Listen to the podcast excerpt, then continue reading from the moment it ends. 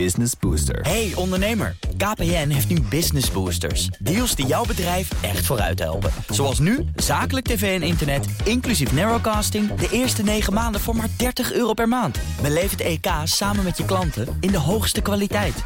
Kijk op kpn.com slash businessbooster. Business Booster.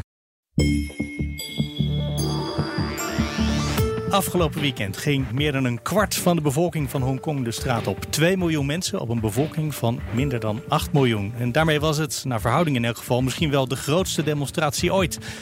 Ze demonstreerden tegen de uitleveringswet. Je kan het bijna niet gemist hebben. Nou waren we van plan om het deze week te hebben over de vraag wat China in Afghanistan aan het doen is. En dat is echt heel interessant, maar we hebben een weekje uitgesteld. De demonstratie in Hongkong, ja, die zijn ondertussen zo groot geworden. Daar, kunnen, trouwens, daar willen we ook helemaal niet omheen. En het heeft ook een ander voordeel. Want deze podcast is er om de week. Uh, waarom is het niet eens zo erg interessant, maar we willen dat verschuiven van de ene naar de andere week. En dus krijg je volgende week die andere aflevering over Afghanistan. En vandaag gaan we het hebben over Hongkong. En de vraag daarbij is: hoe autonoom is de autonome regio Hongkong? Ik vragen aan mijn gasten. Oscar Garschagen. Tien jaar lang was hij China-correspondent voor NRC Handelsblad. Schreef pas het boek De Chinese Droom. Welkom. Dank je. En Ingrid Hoge, onderzoeker en strategisch adviseur, gespecialiseerd in China bij het net gelanceerde Klingendaal China Center. Of zeggen jullie China Centrum? China Center. China Center, ik dacht het al, want Klingendaal is allemaal in het Engels. Ik ben Mark Beekhuis en de podcast wordt mogelijk gemaakt door het Leiden Asia Center, waar jij elkaar verbonden bent. Um, Zullen we eerst nog heel even een klein beetje context doen? Want die, die wet waar iedereen tegen demonstreert, iedereen heeft wel de beelden gezien, uh, miljoenen mensen die dan door de straten liepen tegen een uitleveringswet. Waar, wat is het grote bezwaar, het grote probleem met die wet, uh, Oscar? Uh, het gaat natuurlijk om veel meer dan die wet. Het past in een stramien van de afgelopen jaren vanaf 2003, 2014. Het, gaat, het is eigenlijk een druppel die de, emmer heeft, eh, de spreekwoordelijke emmer heeft eh, doen overlopen. Hoe die wet precies technisch in elkaar zit, is eigenlijk niet meer zo interessant. Het gaat om het, uh, het totale beeld. Een wet die bedoeld is om de, de juridische scheiding tussen Hongkong en het vasteland de facto op te heffen, is, is, is die druppel. Dus het weghalen van die wet, dat lost ook op het ogenblik helemaal niks op? Nee, daar ben ik het volledig mee eens. Wat die wet wel doet, is uh, dat het mogelijk wordt gemaakt om uh, mensen die worden beschuldigd van een misdaad uit te leveren aan China. Dat is tot op heden niet mogelijk. Maar uiteindelijk uh, zal die wet niet zoveel verschil uitmaken. Want China kan toch wel mensen oppakken in Hongkong. Daar hebben ze die wet niet voor nodig. Dat gebeurt en dat al. is de afgelopen jaar ook verschillende malen Dat gebeurt gebeurd. zeker, ja. Uh, er zijn een aantal boekverkopers uit Hongkong gekidnapt, gewoon ontvoerd uh, en in China terechtgekomen. Er is ook een grote Hongkongse tycoon opgepakt in China. Dus eigenlijk heeft China die wet niet eens nodig. Kan al, China kan mensen gewoon ophalen? Nou, ze kunnen niet uitgeleverd worden, uh, nu, niet officieel. Maar China kan mensen toch wel oppakken en ontvoeren. En dan alsnog vastzetten in China zelf. maar uitleveren is officieel niet mogelijk. Maar deze hele uh, beweging is, dateert eigenlijk al vanaf 2003, toen de eerste nationale veiligheidswetten, uh, wetsontwerpen, die, waar dit al in zat, dat uitleveringsverhaal, het, het kunnen vervolgen van, uh, van vrijwilligersorganisaties, van NGO's, et cetera, al in zat. Carrie Lam, de chief executive in Hongkong, heeft gezegd dat die wet niet ingetrokken zal worden. En ook China zegt dat er geen enkele reden is om die wet in te trekken. Maar wat Oscar net ook al aangaf, waar het om gaat, is dat de Chinezen voelen zich uitgeleverd aan China. Sorry, de Hongkongnezen voelen zich uitgeleverd aan China. En dat gevoel neemt ook het intrekken van die wet niet weg. Misschien moeten we even, want jij noemt inderdaad al die Carrie Lam. Dat is uh, ja, de baas van, uh, is gouverneur misschien in het Nederlands uh, van China, van ja, Hongkong. Chief Executive is de, de, de, de goede Nederlandse term. ja, precies. De, uh, zij zit sinds een aantal jaren in het zadel. Ze heeft nog drie jaar te gaan. En zij is degene die, die voorgeselecteerd was uh, uh, door Beijing uh, van de drie. En zij is het uiteindelijk geworden. En dat heeft te maken met het wat ingewikkelde Hongkongse systeem. Daar beslist een, een soort kiezerraad van 1200 mensen over de vraag wie de nieuwe chief executive wordt. Maar Beijing selecteert als het ware. Dit zijn voor. onze drie opties. Welke van de drie wil je hebben? Zo is het gegaan. En dus bovendien, daar heeft eigenlijk Hongkong niet zoveel mee te maken gehad wie de baas is geworden in Hongkong. de gewone bevolking van Hongkong niet. Want ook in die 1200-koppige raad eh, hebben pro-Beijing mensen de overhand. Want ook die raad is weer niet Ook weer vrij samengesteld verkozen. vanuit uh, is ook weer geselecteerd gekozen door 6% van de kiesgerechtigden in Hongkong. Maar misschien is het interessant om te, te kijken naar uh, de demonstranten, naar hun leeftijd, naar hun, uh, sa hun sa samenstelling. Net als in 2014, waar ik uh, toen vele dagen in Hongkong heb doorgebracht bij de Paraplu zogenaamde paraplu-beweging. Ja. nu ook opnieuw heel veel jongeren, heel veel jongeren, tussen de 18 en 25. je ziet uiteraard ook net als ik, uh, grijsaards. Maar die zijn duidelijk in de minderheid. Het gaat om jongeren. Het is deze generatie, uh, begin twintigers, eind tieners... die gaan meemaken dat in 2047 Hongkong... Het, het, het speciale systeem van Hongkong uh, afloopt. Zij gaan meemaken hoe Hongkong daadwerkelijk een Chinese stad wordt. En het hele systeem van één land en twee systemen het einde dat daarvan heeft een einddatum en dat heeft een wij, einddatum. Bij de overdracht in 97 is afgesproken dat dat in, in 2047 uh, gaat plaatsvinden. Nou, dat komt dichtbij. Nog maar 30 jaar te gaan. Dit zijn twintigers. Die gaan dat allemaal meemaken. En dit is waar ze over. Dit is waar het werkelijk om gaat. Hoe gaat in de aanloop naar 2047 en daarna het bestuur van Hongkong eruit zien?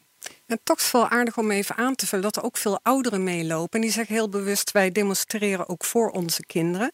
Maar ook mensen uit allerlei professionele groeperingen. En ook te, zeg maar het, de start van het protest tegen deze uitleveringswet...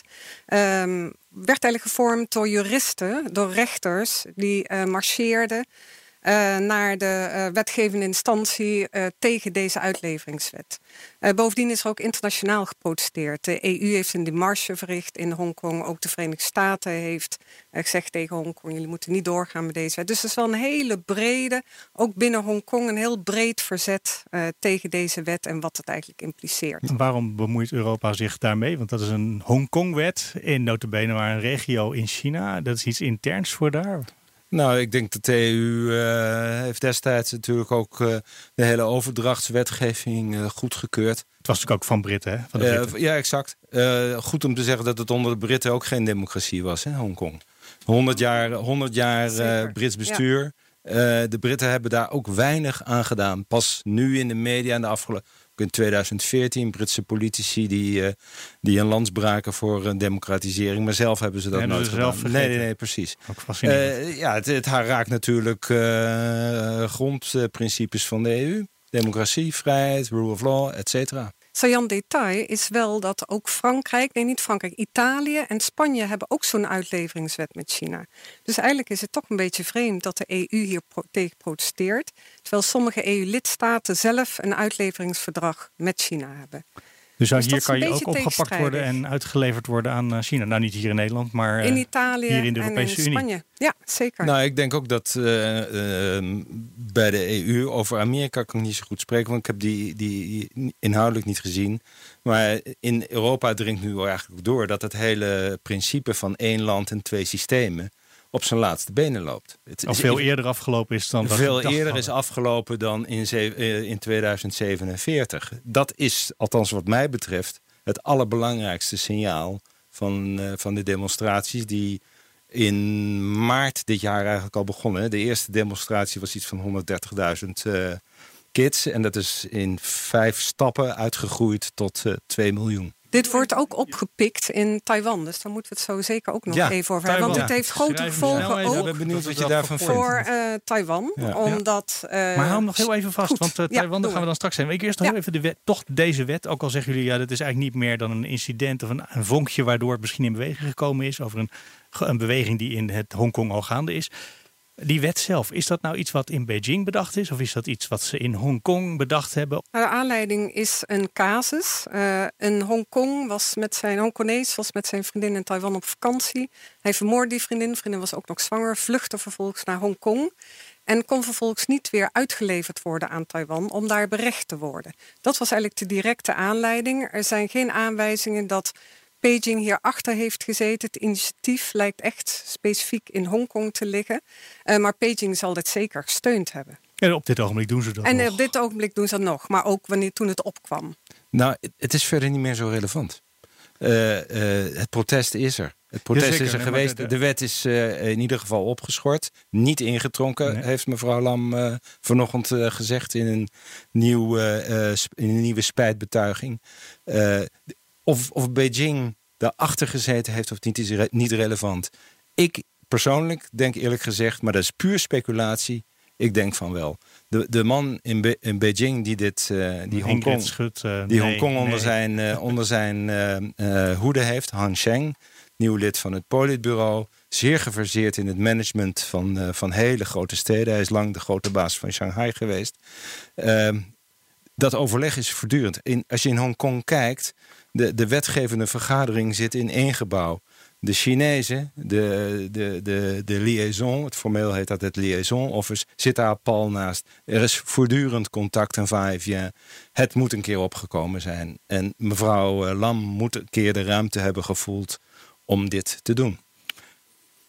En voelt zij nu de ruimte om, als het hele volk zegt, we willen dit niet, of nou, laten we zeggen een kwart op het ogenblik in elk geval, wij willen het niet, om dan te zeggen, eigenlijk wil ik er vanaf? Of kan zij die ruimte niet krijgen omdat Beijing dit een heel belangrijke wet vindt op het ogenblik?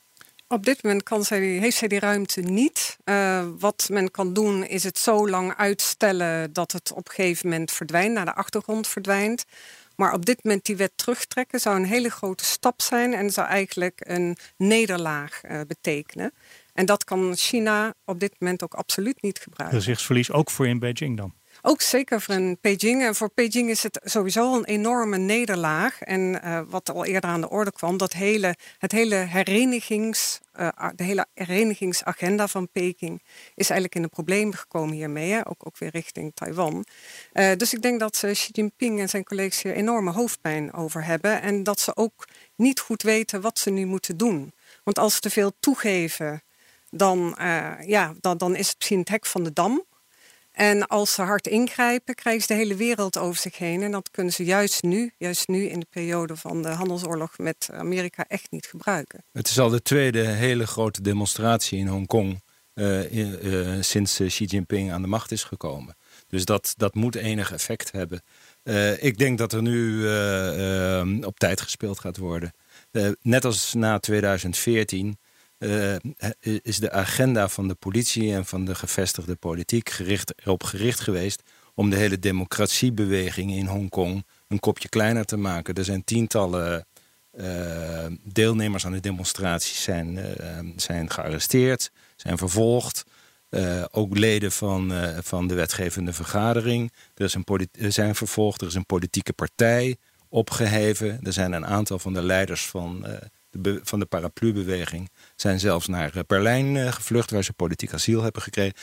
Dit gaat zo door. En dit, dit eh, het feit dat zij het wel of niet intrekt...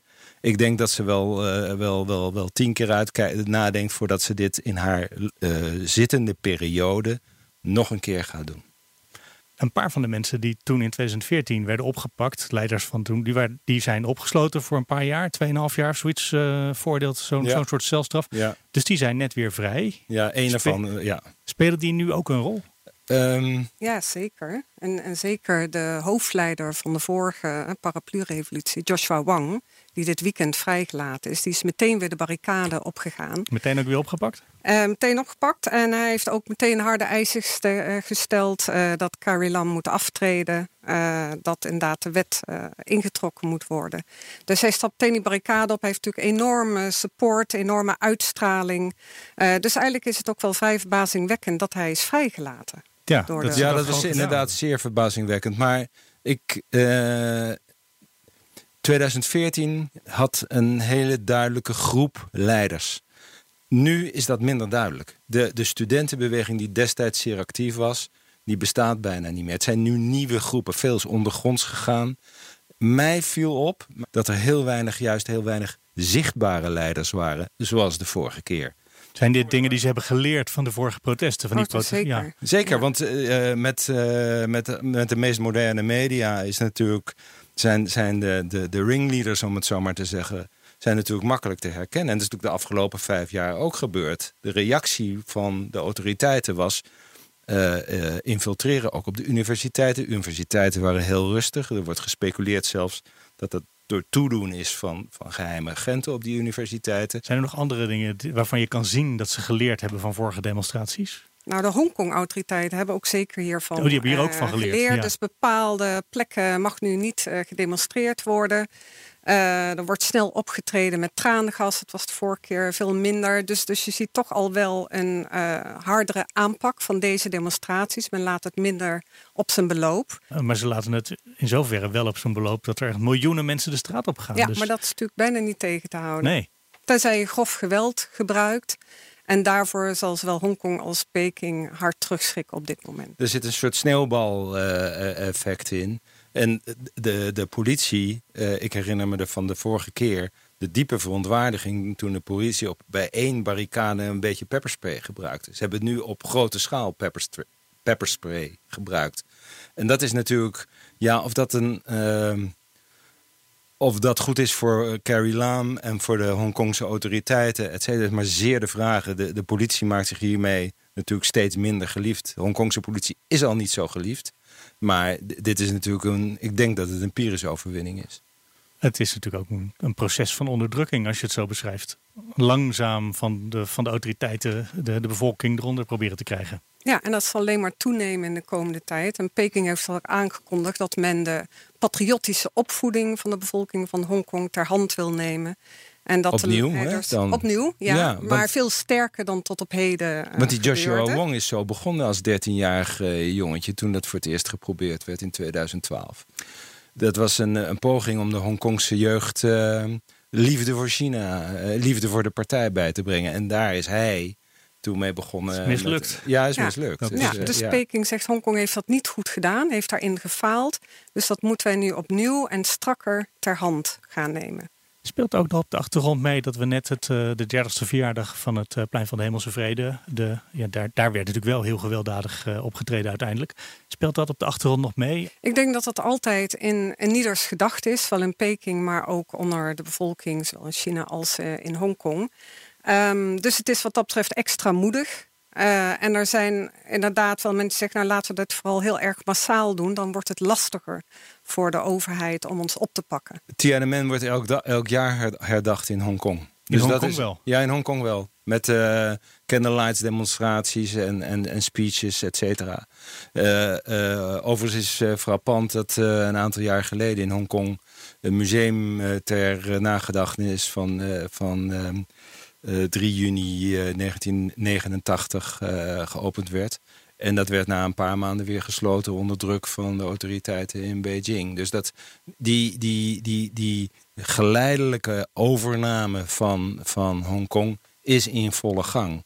En, Valt ook niet te stoppen dan? Nou ja, China kan zeggen... Uh, dit is wat we afgesproken hebben in, 19, uh, in 1997. En stapsgewijs gaan we, gaan we die kant uit. En dat is wat uh, al deze jongeren natuurlijk heel goed voelen. Ja, en dat is ook wat, Chine wat leiders, Chinese leiders steeds herhalen ja. in hun speeches. Dat Hongkong niet moet vergeten dat men onderdeel van China is. Uh, dus de Peking zal hier zeker sterk op inzetten. En waar ze ook heel sterk op inzetten is dat ze zeggen... het zijn de buitenlanders die hiertoe aanzetten. Het zijn de Europeanen en vooral de Amerikanen... die eigenlijk uh, de oorzaak ervan zijn dat uh, de Hongkong-volking toch een beetje in de war is. Is daar iets van waar of is daar bewijs voor dat het aangezet wordt door buitenlandse machten? Ik denk dat het echt vanuit de Hongkongnezen zelf komt. Maar ze zullen zich zeker gesteund voelen uh, door de Amerikanen en door de Europeanen. Ook uh, vanwege hun protesten tegen deze wetgeving. Ja, want ik las uh, bijvoorbeeld in de China Daily, dat is een Engelstalige krant, die kan ik dan lezen, dat het uitstel van die wet werd omarmd door de mensen in Hongkong. En dacht ik, dat is net niet helemaal hoe wij het in Nederland zouden opschrijven. Nee, nee. het is misschien niet helemaal onwaar, maar het is ook het is zeker niet waar. Nee. Wat, wat natuurlijk dat is een aspect waar we het nog niet over gehad hebben. Dat is de, de hele sociaal-economische component. Uh, de, uh, veel uh, voor, voor doorsnee Hongkongers is het leven in de afgelopen jaren beestachtig duur geworden. 50% van de Hongkongse bevolking woont in, in sociale woningbouw. Die, als je die, dat zo'n huis wil kopen, ben je al snel 7, 8 euro ton kwijt. En dat heet dan sociale woningbouw. Dat is, dat is een, goedkoop. Ja, dat is uh, in Hongkong is de duurste onroerend goedmarkt ter wereld. Je hoeft maar naar de geografie van Hongkong te kijken en je ziet waarom. En daarom zal uh, mevrouw Lam heeft de afgelopen jaren geprobeerd daar enigszins verandering aan te brengen. Maar dat speelt natuurlijk uh, nog een hele grote rol. En het vinden van een goede, uh, goede baan, een redelijk betaalbare baan, een goed huis. Het, het is in Hongkong allemaal hartstikke moeilijk geworden. Maar hoe sterk is dan de positie van Hongkong binnen China? Is het bijvoorbeeld economisch van belang? Of Zeker. valt het weg? Hongkong is de belangrijkste markt voor bedrijven die, uh, die naar de beurs gaan. Daarom, dus er is een één uh, bij, bij alles wat we aan radicale dingen zeggen. Maar. Maar wel sterk afgenomen. Ja, uh, bij de gewoon... overdracht was het nog iets van 16 procent ja. van China's uh, bruto nationaal product. En nu is het iets van 5 of 6 procent. Ja, zeker. Dus nog. dat belang uh, neemt toch wel enorm ja, af. maar dat komt en ook dat omdat de economie van China zo groot is geworden. Zeker. Zeker. zeker. Maar het relatief belang neemt af, dus daarmee ja. hun machtspositie. Nou ja, de, de, de, de, te de, de, de, de kapitaalstromen China in, China uit. Uh, lopen voor een groot deel via Hongkong. Ook Chinese bedrijven uh, hebben uh, baat bij de, de beurs van Hongkong. De beurzen van Hongkong en Shanghai zijn aan elkaar gekoppeld. Dus het is een heel. Het is natuurlijk wel ook voor in economisch opzicht voor, voor Beijing toch wel op eieren lopen. Want je moet wel voorzichtig met Hongkong. Dat is een kip die je niet meteen wil slachten. Dat Nee. is een, en dat zal voorlopig wel zo blijven. Want de hele positie van Shanghai als, uh, als wereldfinancieel centrum. Ja, zover is Shanghai voorlopig nog lang niet. Ik heb op mijn klapblaadje nog steeds het woord Taiwan staan. Dat moeten we niet vergeten, Ingrid. Wat, wat, daar ging je net heen. Dit, ja. wat heeft, welke rol speelt ja, China Taiwan hierin? zou graag dit één land, twee systemen uh, model ook invoeren in Taiwan. Taiwan heeft dat altijd afgewezen. Uh, maar nu wordt er nog eens extra bevestigd dat dit model niet haalbaar is en eigenlijk ten dode opgeschreven is. Niet onder deze Volgend jaar leider zijn van het land.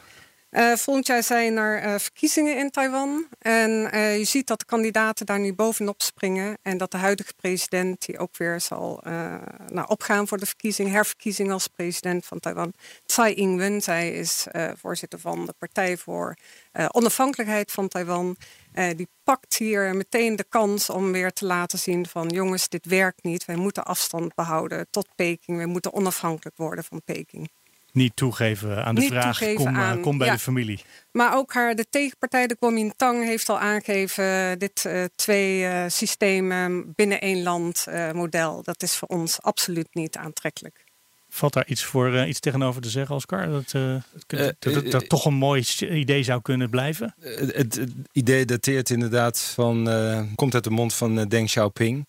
Ik denk uh, dat dat uh, voor, net als voor de Hongkongers, voor de, voor de Taiwanese, ik heb die vorige verkiezingen ook gedaan, dat is geen, uh, geen kwestie. Je bent in, als je in Taiwan komt ook in een ander, je bent in China, het voelt China, het ruikt China, je eet China en toch is het anders.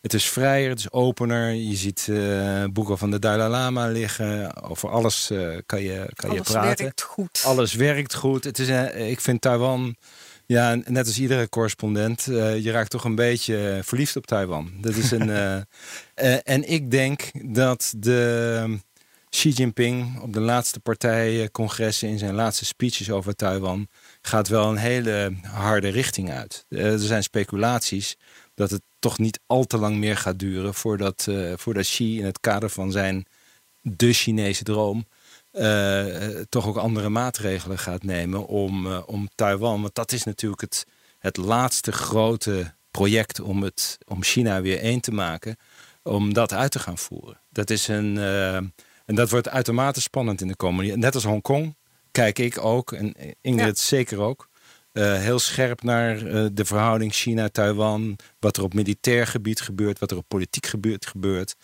En ja, dat zijn uh, Hongkong en Taiwan horen bij elkaar wat ja, dat betreft. En wat de uitslag van die verkiezing in januari zal Ja. zijn. Maar misschien ook wel goed om even te zeggen. We doen nu net alsof pas nu duidelijk is dat dat model, hè, één land, twee systemen, dat dat niet werkt. Maar eigenlijk bij de overdracht in 1997 wisten we allemaal al dat dat een fictie zou zijn. En dat dat nooit echt goed zou werken. Is dat en dat niet China de dag door na de overdracht. Ja, zeker wel. Nou, het is nu heel erg duidelijk geworden. Maar eigenlijk wist iedereen al. En wat je ook zag is de dag na de overdracht begon Peking eigenlijk al de vinger in de pap te steken in Hongkong.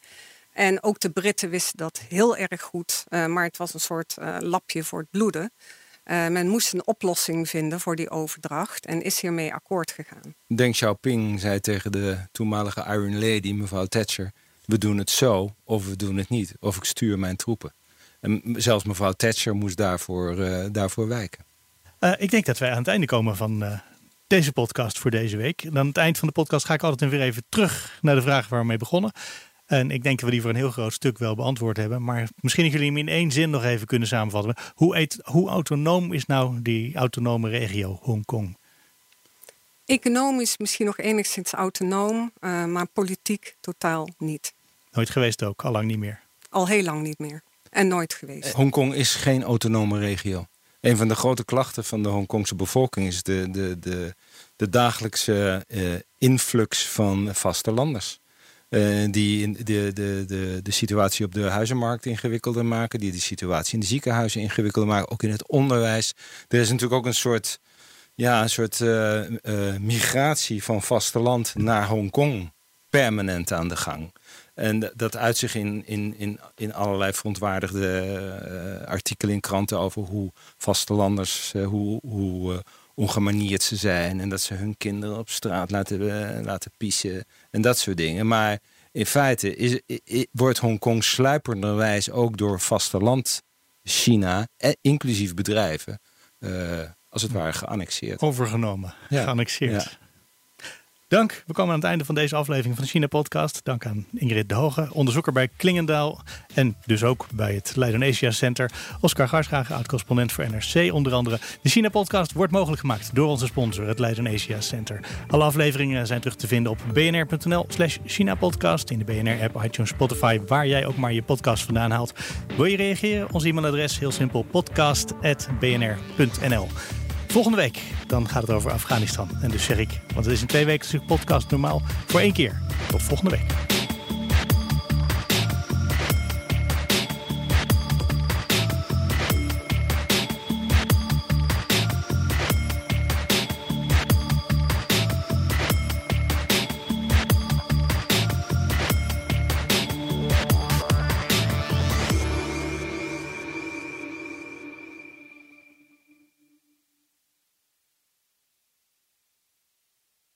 Business Booster. Hey ondernemer, KPN heeft nu Business Boosters. Deals die jouw bedrijf echt vooruit helpen. Zoals nu, zakelijk tv en internet, inclusief narrowcasting... de eerste 9 maanden voor maar 30 euro per maand. Beleef het EK samen met je klanten in de hoogste kwaliteit.